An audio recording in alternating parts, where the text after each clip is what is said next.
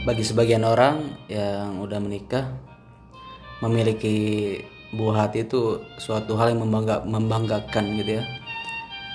Dan tapi nggak buat kayak karena belum gitu kan. Dan podcast kali ini gue masih sama James dan satu lagi bintang tamu ada Kang Yusuf. Dan kali ini gue mau ngomongin soal eh, dalam masalah pernikahan setelah menikah setelah punya anak nah gimana perkenalkan dulu James Hai halo, Eh, kembali gua eh, bareng Dian Hendrianto dalam DH Podcast. oke dan Terima kasih atas undangannya Mas. satu lagi perkenalkan suaranya Kang Eh, terima kasih Kang Dian yang telah mengundang saya ya. Oke, oke, oke. Jadi kali ini kita ngomong santai aja lagi ya. ya relax saja. Nah, relax aja dan soalnya kayak sebelum-sebelumnya aja gitu. Nggak- Saya saya butuh relax Mas. Kemarin tegang Mas istri Tegang banget eh, ya. melahirkan gitu kan antara hidup dan mati dipertaruhkan Oke, anjir. oke, oke. Oke, dan kali ini gue mau nanya nih, tanya-tanya aja soal ini kan Bapak James ini Iya, sekarang udah bapak man. baru baru aja kemarin ya alhamdulillah udah istrinya udah melahirkan ya seorang launching. putra. Aduh, boy, baby boy. Baby boy, the next James, oh my god, ya, James Junior udah launching man. kemarin muncul-muncul udah halo guys nggak mau nanya nih ini kan baru pertama kali di usia anda baru ber- udah berapa sih sekarang Udah lima. 25 di usia yang i, terbilang masih muda ya udah. Relatif muda bukan muda banget sih kalau segini tuh. Gimana sih Muda, peras- coy. perasaannya pertama kali gitu punya anak gitu kan pasti campur aduk sih kayaknya. Ya lumayan sih. Karena emang masih antara percaya nggak percaya anjir. Asik nggak bahasanya? Asik banget gitu. Iya emang antara eh, percaya nggak percaya di usia ini dan gue kadang ngerasa baru lulus SMA gitu kan. Dan sekarang udah punya momongan udah punya putra itu kadang sulit juga gitu kan. Nyangka gak sih bisa secepat ini gitu? Nggak nyangka Nggak sumpah men gue aja kan. Misalnya yang sebagai teman lu kan misalkan pas main ke sini tuh ada bayi tuh gue merasa tua. Nengok punya temen rata-rata kan. Iya nih lu kapan mas? Gak usah lagu. Jangan nanya itu, jangan nanya. Itu. Kesel saya. Kesel saya jadinya. Ya perasaan anda kayak misalkan bahagia iya gitu kan apalagi bahagia harus sih harus sih yang nggak beda ini. kayak pertama baru nikah kan cinta lo kayak ke istri doang gitu kan. Sekarang udah dibagi itu gimana sih perasaan hal kayak gitu tuh gue kan justru gue nggak ngerasa berbagi cinta men. Justru gue menambah cinta men. Menambah. Asik bukan berbagi men. Kalau berbagi itu cintanya cuma segitu limit dibagi dua. Jadi cinta yang ke ibunya berkurang dong kalau dibagi kalau ini menambah mas menambah cinta. Malah pengen nambah lagi.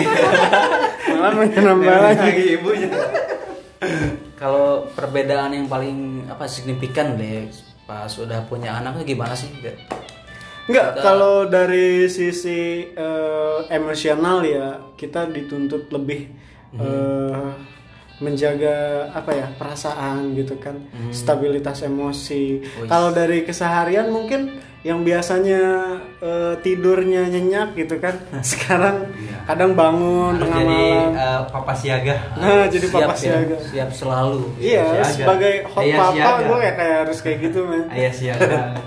Ya, kalau ya kalau Kang Yusuf pertama punya anak kayak gitu ya sekarang ya anaknya udah dua nih ngomong-ngomong gimana kalau Ya pertama sama sama ya mungkin semua gitu yang itu pernah dirasakan lah, yang Jamah rasakan saya mungkin. belum pernah. Eh, saya pernah rasakan dulu gitu kan. Denger lu sebelum pernah gue jadi ngeri. Emang emang waktu saya emang hal eh, untuk diri saya mungkin ya. Hal yang baru itu mungkin eh, disikapi dengan apa gitu kan. Kadang-kadang ada rasa Tegang. eh, tegangnya juga lebih kuat gitu kan ketika misalkan pekerjaan itu kadang-kadang nggak selesai sa- satu kali pekerjaan gitu. Kadang-kadang harus nambah oh ini ada kurang yang ini kurang gitu kan. Karena mungkin tadi uh, ada paniknya juga. Iya, karena kan paniknya. mungkin rasa khawatir itu mungkin pertama ketika mau ijab kabul nanti kalau misalkan itu. Yang kedua setelah mau menunggu lahiran persalinan seorang dari apalagi anak pertama ya. apalagi anak Kalau pertama pas udah anak kedua gimana bang perasaannya? hampir tidak jauh beda kalau menunggunya itu tetap Cuma gitu kan udah agak terlalu panik ada ada yang tapi ada yang diharapkan juga atau kalau misalkan eh, laki-laki kan perubahan wajahnya atau itunya Ah. beberapa detik gitu lebih cepat Tapi Setelah ini- apa itu? setelah kalau misalkan eh, ada rasa kaget atau Oh. heran itu perubahannya itu detik langsung Dalam hilang lagi ya. dengan detik gitu kalau misalkan kita dianggap mungkin eh, kata orang oh tidak ada perasaan eh, panik-paniknya kalau misalkan lihat anak atau apa gitu kan anak baru melahirkan tapi itu sebenarnya kalau laki-laki eh, pada diri apa eh, dari hati yang paling dalamnya itu ada perasaan seperti itu cuman kalau laki-laki bisa me- menyembunyikannya itu Iya iya. iya. Enggak gua kan kalau gua tuh kadang berprasangka buruk bukan gitu maksudnya pas awal-awal nih awal-awal lihat temen nikah nih. John ya. Sujon wah orang nih kalau udah nikah biasanya berubah kan. Kalau- kan gue makanya gue selalu bilang ke yang pas nikahan tuh semoga lu jadi tetap orang yang sama kan kayak gitu. Eh pas gue lihat lu James kan ternyata oh ya udah kalau emang udah seharusnya gitu kan kalau udah nikah tuh kita dunia kita tuh udah beda gitu kan. Kalau ngeliat lu tuh kayak gitu gitu. Ya gue sebenarnya nggak ngerubah sikap sama temen karena emang dunia harus tetap sama gitu kan. Walaupun ada sesuatu yang berbeda mungkin. Mungkin bedanya gue punya tanggung jawab bukan hanya bukan untuk diri sendiri gitu kan. Kalau dulu kan eh, kebebasan dijamin sebebas-bebasnya karena emang diri sendiri yang dipertanggungjawabkan. Kalau sekarang ya mungkin poinnya itu. Jadi kalau limit sama teman ya sewajarnya aja tapi Iya, iya. gue still enjoy it kayak kayak gini gitu kan. Punya prioritas sendiri di rumah tapi di luar sih gue still oke oke aja. Nggak mengurangi. Mm-mm. eksistensi kayak kayak kayak bikin podcast ini gue tetap santai aja malu kan. Ya gue satu-satunya temen yang udah nikah itu ya lu tetap tetap berteman lu. Jarang-jarang loh. Soalnya kebanyakan orang temen gue yang udah nikah tuh kayak ya udah beda aja gitu. Beda. Kadang ketemu juga kadang kayak orang gak kenal Nah, gitu kan. kayak gitu. Lu siapa sih? Kalau saya sih temen itu sebenarnya eh, perubahan-perubahan terus gitu kan. Kalau misalkan zaman dulu waktu kita usia SMA, SMP eh, itu berbeda-beda kan ketika misalkan SLTA. Sekarang juga kan teman kuliahnya misalkan beda. Terus sekarang juga nggak tidak terlalu banyak berteman dengan itu kan. Banyak orang ya. Banyak orang dengan hanya dengan anak mungkin hanya dengan is- eh, apa keluarga mungkin. Terus dengan paling dengan anak didik kalau kalau tinggal di sekolah. Oh, Tidak ada mau ngasih tau aja kan Sup ini seorang guru juga ya. ya seorang staf pengajar di sebuah sekolah menengah atas ya benar? Ya jadi kalau misalkan eh, bukan saya membatasi atau merubah cara cara hidup saya itu tapi karena mungkin keadaan juga kan Iya, tapi teman-teman kalau tidak mesti lingkungan juga, ya, kan? tidak mesti harus kumpul dengan teman-teman Iya. misalkan harus bahas apa itu tidak seperti itu juga tapi teman- bukan berarti melupakan Ya, teman juga iya. gitu. Ya, soalnya kalau yang yang saya baca yang didengar gitu kan kadang kita tuh semakin dewasa atau mungkin ruang lingkup kita juga semakin sedikit kan Iya. jadi apa lingkaran pertemanan itu kita pasti Iya, makin sempit. sempit sempit kita atau lebih tepatnya kita memilih yang tepat buat kita lah gitu ya. Jadi yang kalau bisa ini memilih orang untuk menuntun kita membawa ke surga. Subhanallah. Masya Allah. nah gitu. Oke kembali lagi soal anak nih ya yang tadi ya. itu pengen masih pengen ngulik cuy. Ya, Pengen- boleh boleh boleh boleh. Perasaan pertama gitu kan sehari-hari gimana Bentar, gitu bentar. kan. Lu kayaknya kedengeran pengen punya anak juga. Gitu, pengen ngulik Anda gitu. It's okay, it's okay. Semakin hari semakin berubah apalagi baru mempunyai baby boy ini men. ya walaupun udah dekat-dekat untuk kelahiran istri itu itu sudah makin bahagia tapi ada campur rasa tadi ketakutan kepanikan juga main kan ada pasti sebelum lahirannya di rumah sakit nih dua hari. Iya, gue di rumah sakit. apalagi seperti itu Itu gimana men? Gimana tuh? Nih apa? Gue ceritain ya. Nah, Itu sekitar tanggal 3 Tanggal 3 bulan eh, Tanggal 1 HPL-nya tuh hang- tanggal 1 kemarin Dan bener Istri ternyata ada kontraksi di hari Senin Tanggal 1 eh, Juni kemarin. Nah kontraksi jam 5 Habis itu gue udah udah udah mulai panik kan. Gitu kan ini gimana gimana? Tapi istri gue karena istri gue bidan kan Iya. mungkin dia lebih paham jadi dia tahu ya. relax aja gitu kan. Udah santai aja duduk aja. Gue mana bisa kayak gitu kan.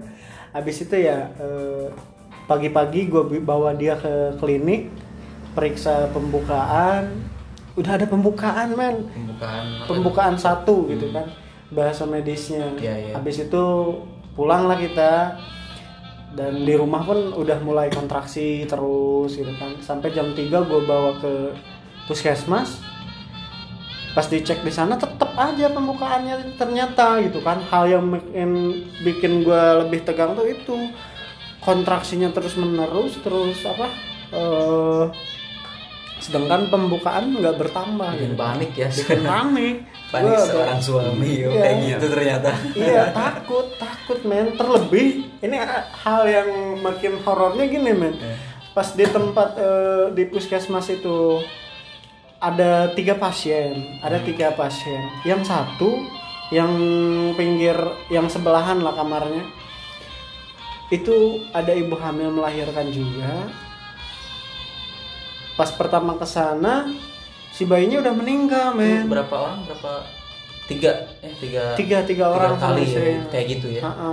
ada ada ada pasien melahirkan. Serem istrinya eh anaknya udah meninggal. Ya, dalam gitu sedangkan itu keluarnya susah gitu agak kan. percis eh, mirip istri saya tuh sebelumnya kayak gitu pernah. Yang pertama, Pertama. itu pertama kan eh, istri saya itu eh, pecah ketuban. Hmm. udah hampir hampir ke bahasa Sundanya itu apa ya Eh, bahasanya Hmm. keporotan lah hampir ter- hampir terlambat gitu hampir terlambat terus waktu itu kejadiannya ada yang sama ada yang melahirkan pecah ketuban udah meninggal di dalam Meninggal di perut. dalam. Nah, itu itu, harus jadi gua ngeri banget kemarin Terus- nih. tegang banget gitu. disesar gimana sih harusnya disesar Ya, tapi kalau kadang-kadang ada ada ini bisa langsung Nah, tidak disesar. pas kejadian kemarin eh, si pasien menolak buat dirujuk. Jadi eh, dipancing di sana aja. Jadi disuntik, Akhirnya selamat juga ya stimulus eh, akhir supaya ibunya selamat karena bayinya udah nggak bisa terselamatkan gitu kan. Habis itu eh, si pasiennya itu alhamdulillah sembuh. Datang lagi satu pasien, men. kayak gitu lah Kejadiannya sama. Ini gue makin panik, men. Makin panik. panik Nah, panik dan kebetulan pas di PD lagi kan istri di PD lagi dan masih pembukaannya stuck seperti itu sedangkan istri udah lemes banget bukan itu sampai 8 kan ya sampai 10 12. eh? 10 lengkapnya 10 Gak tahu sih. Batasannya juga nggak tahu sih saya. Katanya eh, pembukaan tiga kan istri saya juga dulu ya. Eh. Eh, katanya udah pembukaan tiga, tuh udah satu hari satu malam tuh udah belum ah, Ya, belum ada. tiga gitu kan. Waktu itu eh, bidannya tidak kan soalnya di rumah awalnya di rumah. Bidannya tiga meru- nggak buru-buru merujuk ke ke rumah ke puskesmas gitu kan. Tapi eh, om tahu kalau dia tahu itu apa pecah ketuban tapi dia tenang Kayak tenang didiamin aja. gitu. tapi kita kan yang yang Kita panik, yang paniknya Oh, kita. dia kan tahu medis gitu ya istilahnya gitu. Tapi pas nyampe di sana itu lihat banyak ada yang kejadian tadi sama percis seperti yang itu ada yang meninggal terus ada yang apa namanya oh karena dia belum siap mungkin ya itunya eh, darah tinggi orang yang Kaget ya. akhirnya dia berontak Soalnya Tapi dia, resiko- dia rujuk ke rumah sakit juga itu kebetulan istrinya yang kerja di rumah sakit itu kita harus tahu dasar-dasarnya juga sih biar gak Iya. kaget ya itu resikonya gede banget kalau darah atau tinggi. tambah panik istri itu waktu itu nah, Nah, nah abis itu kejadiannya kan eh, udah sehari semalam gitu kan men masih belum ada pembukaan. Akhirnya pas sehari setelahnya tanggal 2 tanggal 2 itu jam 12 siang di PD lagi sama kepa, bidan kepalanya di sana kan penanggung jawabnya. Itu akhirnya ada pembukaan bertambah jadi 4 ke 5. Biasanya kan kalau dari 1 sampai 4 itu lama. Dari Ini cepet ya? 4 dari 5 sampai ke pembukaan akhir biasanya lebih cepet nih. Nah, tahunya ini masih lama nggak tahu karena mungkin istri Dara belum pernah melahirkan jadi posisinya kayak gitu. Dan tengah malam akhirnya sekitar jam 10 Hari kedua. ketubannya pecah. hari pertama kedua Hari kedua, Kedua. mau ketiga. oh iya Mau ketiga. Ketuban pecah, mulai rembes. Nah, cairan kan udah berkurang kan.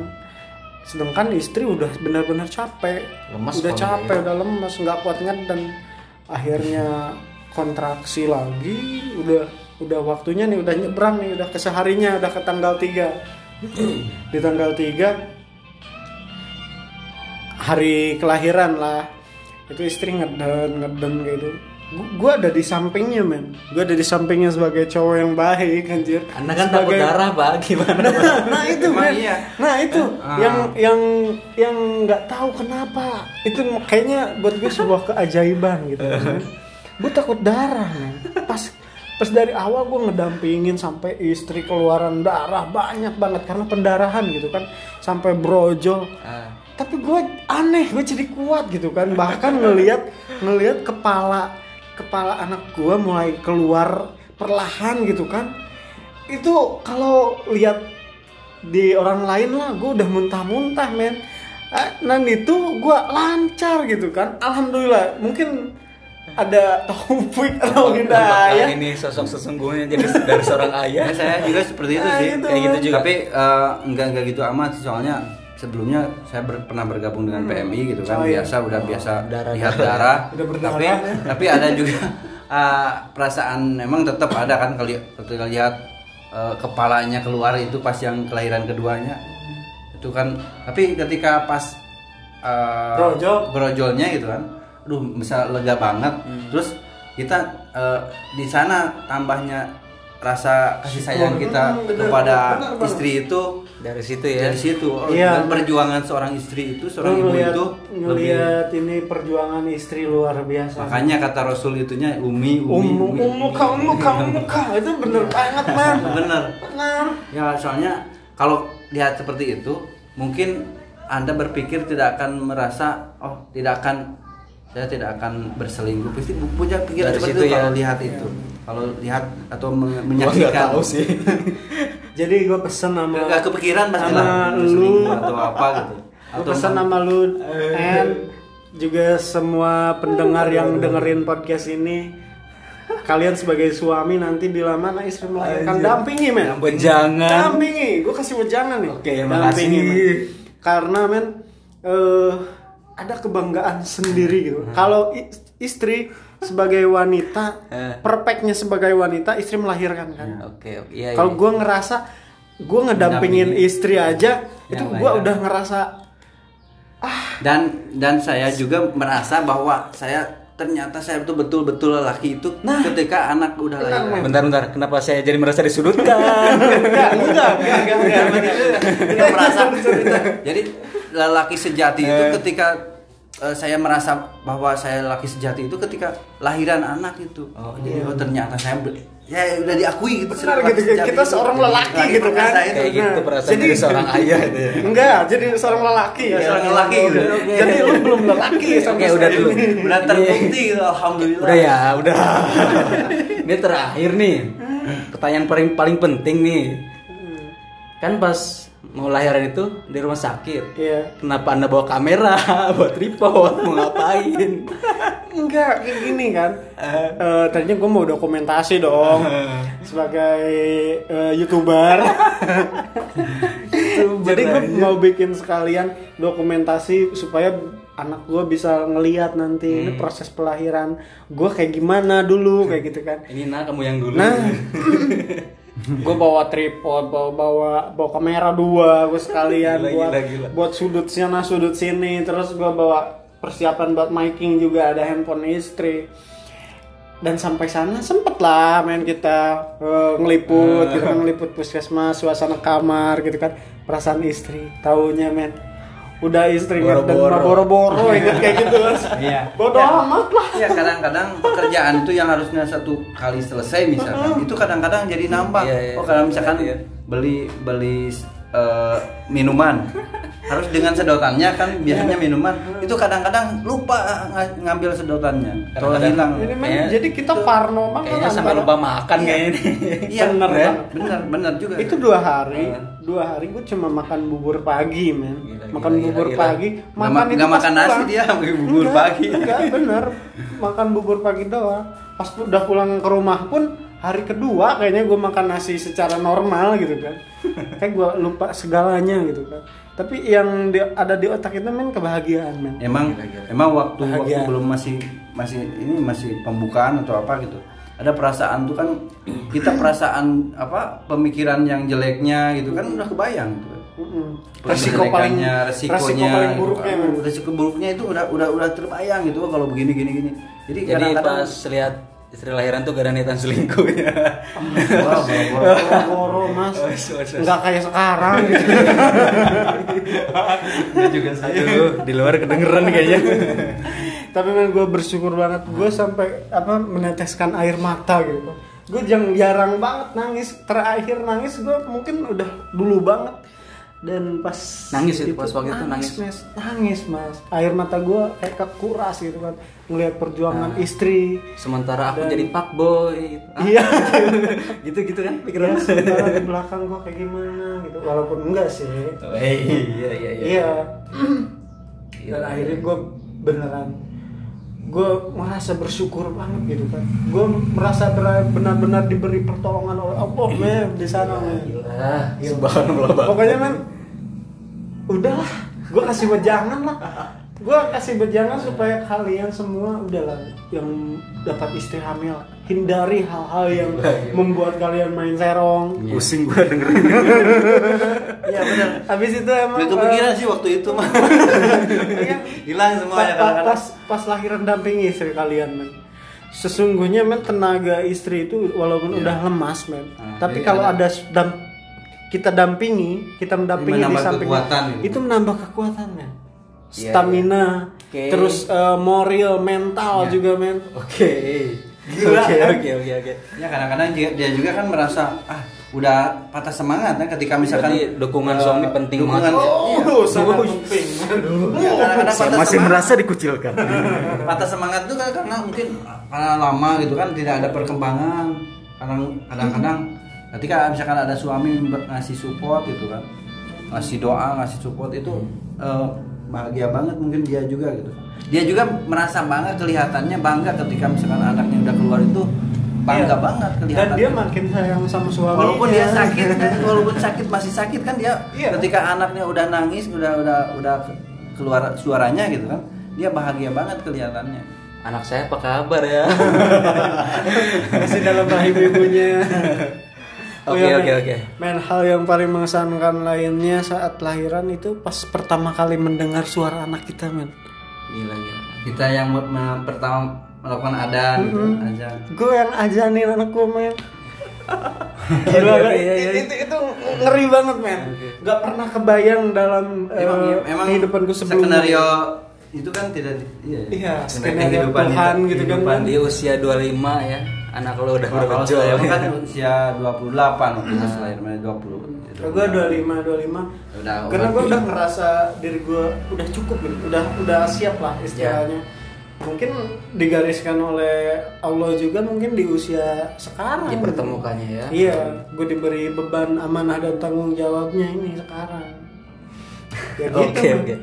Oke. Oke, ya segitu aja. Bentar, nama anaknya siapa? Yang tak biar kasih Oke, tahu dong. nama anak gue Keanu Mikael Asari Oke, ini tuh yang sering muncul di komentar YouTube. Nah itu Ini tuh siapa?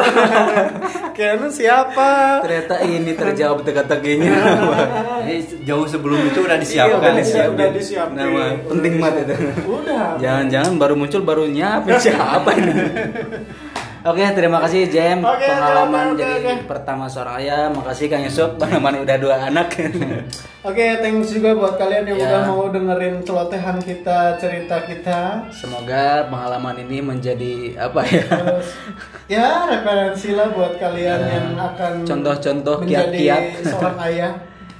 Oke, makasih mudah mendengarkan dan semoga ketemu lagi di podcast selanjutnya. Amin, amin. Sampai jumpa lagi. Assalamualaikum warahmatullahi wabarakatuh. Thank you, thank you, thank you.